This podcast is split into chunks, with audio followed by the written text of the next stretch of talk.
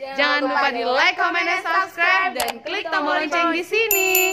Belajar bahasa Inggris Hanya di LC. LC makes everyone speak.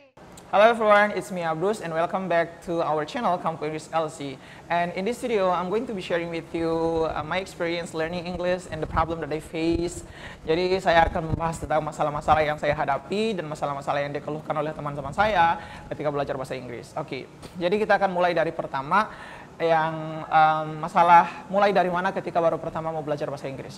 Yang pertama, otomatis ketika orang mau belajar bahasa Inggris atau bahasa apa pun itu, mereka harus punya kosakata di kepala mereka. Seperti itu. Untuk apa? Untuk ngomong pastinya. Seperti itu. Nah, cara memperoleh kosakata itu tersebut yang saya lakukan adalah saya menghafal. Nah, kalau misalnya problemnya di sini adalah ketika orang itu kesusahan dalam memorizing something atau menghafal sesuatu. Saya akan menyarankan untuk um, menonton video, English video, dengan menggunakan English subtitle. Jadi ketika kamu nonton menggunakan English subtitle dan kamu nggak ngertinya di mana, pause videonya dan setelah itu catat vocab yang kamu lihat di situ dan setelah itu kamu hafalkan. Karena apa? I don't know the situation is just different. Itu akan lebih mudah masuk daripada kamu menghafal lewat buku. Seperti itu. Terus um, menghafal itu bukan hanya menghafal kosakata. So instead of memorizing vocabulary, contoh kamu lebih baik menghafal kalimat dari bulenya langsung atau dari native speakernya langsung. Seperti um, saya pernah mendapat uh, tips and trick dari salah satu um, polyglot atau pelajar bahasa atau orang yang suka bahasa. Dia bilang bahwa instead of memorizing satu kata kayak door, pintu, kamu mendingan hafal satu kalimat. Open the door, buka pintu. Seperti itu, buka pintunya. Nah, itu kan langsung ada pintu dan itu udah masuk dalam kalimat. Nah, ketika kalian menghafal kalimat, bedanya apa sih sama menghafal kata? Menghafal kalimat itu lebih mudah. Contoh, anak-anak yang saya ajarkan, mereka itu lebih gampang menghafal expression atau kalimat dibandingkan menghafal kosakata. Seperti itu. Karena apa? Ketika itu udah jadi satu kalimat, mereka bisa menggunakannya dalam percakapan. Tetapi kalau mereka menghafal kosakata, mereka harus struggling untuk untuk apa? Untuk apa namanya? Untuk menyusun kata-katanya dulu menjadi sebuah kalimat baru mereka berbicara. Nah, maka dari itu daripada ngafal kata, ngafal kata juga efektif, tapi mendingan kamu hafal kalimat. Agar apa? Agar lebih mudah digunakan dalam percakapan seperti itu. Yep, that's the tips and tricks to memorize something, you know. Okay, going to the next point, grammar. Okay, grammar is a big deal. Grammar itu adalah masalah yang sering banget dihadapi oleh murid-murid, sering banget dikeluhkan orang-orang oleh orang-orang yang belajar bahasa Inggris. Oke, di sini saran saya adalah saya adalah tipikal orang yang belajar grammar, cuma grammar-grammar yang digunakan dalam percakapan sehari-hari. Jadi saya sarankan agar kalian yang struggling dalam memahami grammar untuk memilah-milah grammar mana yang kamu gunakan dalam percakapan. Seperti itu. Contoh kayak simple, uh, simple present, present continuous, present perfect dan bla bla bla. Grammar-grammar yang basic seperti itu yang digunakan emang digunakan dalam percakapan sehari-hari seperti itu. Jadi itu lebih mudah gitu loh grammar-grammar tersebut lebih mudah diaplikasikan ke dalam uh, percakapan sehari-hari seperti itu. Tapi kalau misalnya mau belajar grammar yang higher atau tingkatnya lebih tinggi, oh it's another option, it's another it's another topic seperti itu. Itu masalah yang lain. Jadi kita bahas ini grammar yang digunakan dalam percakapan sehari-hari. Uh, terus misalnya kamu belajar grammar di kelas, terus kamu nggak tahu cara mengaplikasikannya. Oke, okay, based on my experience, saya pertama mulai belajar bahasa Inggris dengan speaking.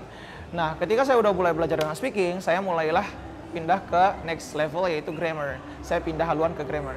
Nah, the time ketika saya belajar grammar itu saya kesusahan mengaplikasinya kan mengaplikasikannya ke dalam speaking. Nah, di sini at that point kamu akan kesusahan mengaplikasikan grammar ke dalam speaking kamu. Tapi just do it, lakukan aja. Walaupun kamu ngomong harus mikir-mikir, kalau kamu terus melakukan itu, terus menerus on and on, lama-lama kamu akan terbiasa dan speaking kamu, kamu bisa speak grammatically seperti itu. Jadi uh, pelajari grammar, coba aplikasikan ke dalam speaking kamu, walaupun ntar speakingnya jadi terbata-bata, tapi kalau kamu lakukan terus menerus, akan lancar seperti itu. Um, terus kembali ke poin pertama yang menghafal kalimat, kenapa saya menyarankan ke, kepada kalian untuk menghafal kalimat? Karena apa? Ketika kamu menghafal satu kalimat, itu otomatis grammarnya udah benar, seperti itu. Atau usable, walaupun kadang-kadang bule kan mereka uh, bengkok-bengkokin dikit grammarnya, atau kadang mereka hilang-hilangkan dikit grammarnya, tetapi ya tetap usable, understandable, dan lain-lain, seperti itu. Ya, yeah, grammar is complicated, you know, but it's important. Tapi penting seperti itu. Okay, we are going to the last part, kasus yang paling paling paling sering dialami oleh uh, pelajar-pelajar bahasa Inggris. Um, ngerti tapi nggak bisa balas seperti itu. Ya banyak banget yang mengalami fase ini dan ini this is the most annoying, you know, fase yang paling nyebelin ketika kamu itu bisa memahami apa yang diomongi orang, tetapi kamu tidak bisa membalas. Itu kayak gergetan atau gimana gitu. Nah makanya um, poinnya apa? Saya punya tips and trik untuk kalian yang mengalami fase ini di mana kalian bisa memahami orang ngomong tapi kalian nggak tahu cara balasnya. Jadi kalian harus Uh, nggak mungkin kamu itu ngerti, tapi kamu nggak bisa ngomong sama sekali. Kamu pasti bisa ngomong dikit-dikit seperti itu. Nah, jadi apa yang sedikit yang ada di otak kamu, usahakan kamu pakai setiap hari. Atau poin pertama, menghafal kalimat dan menghafal frasa. Coba untuk gunakan, jangan malu untuk praktek. Ya, orang yang takut salah ketika ngomong itu udah salah. Itu adalah kesalahan dalam belajar bahasa Inggris. Ketika mereka takut salah untuk um, memulai, ketika mereka takut salah untuk ngomong hanya karena uh, grammarnya buruk, pronunciation-nya buruk dan lain-lain seperti itu. Jadi jangan takut. Don't care about it. Jangan uh, nggak uh, usah peduli yang kayak gitu-gitu. Praktek aja dulu. Kamu adalah pelajar dan it's normal ketika kamu melakukan kesalahan. Jadi saya harapkan agar kalian berani untuk mempraktekkan uh, bahasa Inggris sebisa kalian karena semakin kalian mempraktekannya semakin lancar kalian berbicara seperti itu that's what I did you know like I practice all the time with my friends with my with the native speaker with my teachers friend dan lain-lain seperti itu. Jadi usahakan agar kalian rajin-rajin mempraktekannya. Um, satu kadang uh, orang tuh mau praktek tapi nggak punya partner. Nah jadi pertama kamu harus punya partner dulu. Kamu harus punya partner di mana dia juga willing untuk belajar bahasa Inggris, nggak judging, nggak judging-judging kamu bahwa kamu sesuatu bahasa Inggris atau apa. Jadi coba untuk praktek sama dia, dia dapat kasih feedback, kamu juga praktek. Nah, semakin sering kalian praktek, semakin lancar kamu. Problemnya adalah ketika orang ini dia nggak punya partner. Kuncinya apa? Talk to yourself. Uh, saya sering melakukan seperti di dalam diri saya ada dua karakter. Saya akan mengambil satu topik yang pro dan kontra. Saya juga yang pro dan saya juga yang kontra.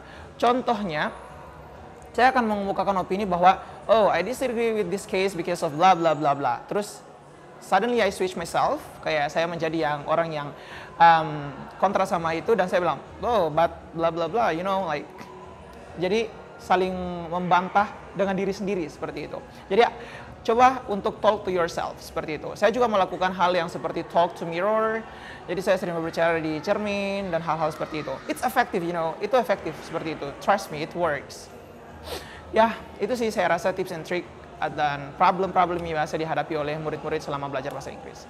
Jadi, saya harapkan agar kalian bisa menghafal vocab atau menghafal kalimat dan setelah itu coba untuk belajar grammar dan praktekkan grammarnya ke dalam speaking kalian walaupun terbata-bata jika dilakukan terus-menerus akan lancar dan yang terakhir adalah practice. Coba untuk praktek. Karena the main point ketika orang itu mau improve suatu bahasa, maka dia harus ngomong seperti itu.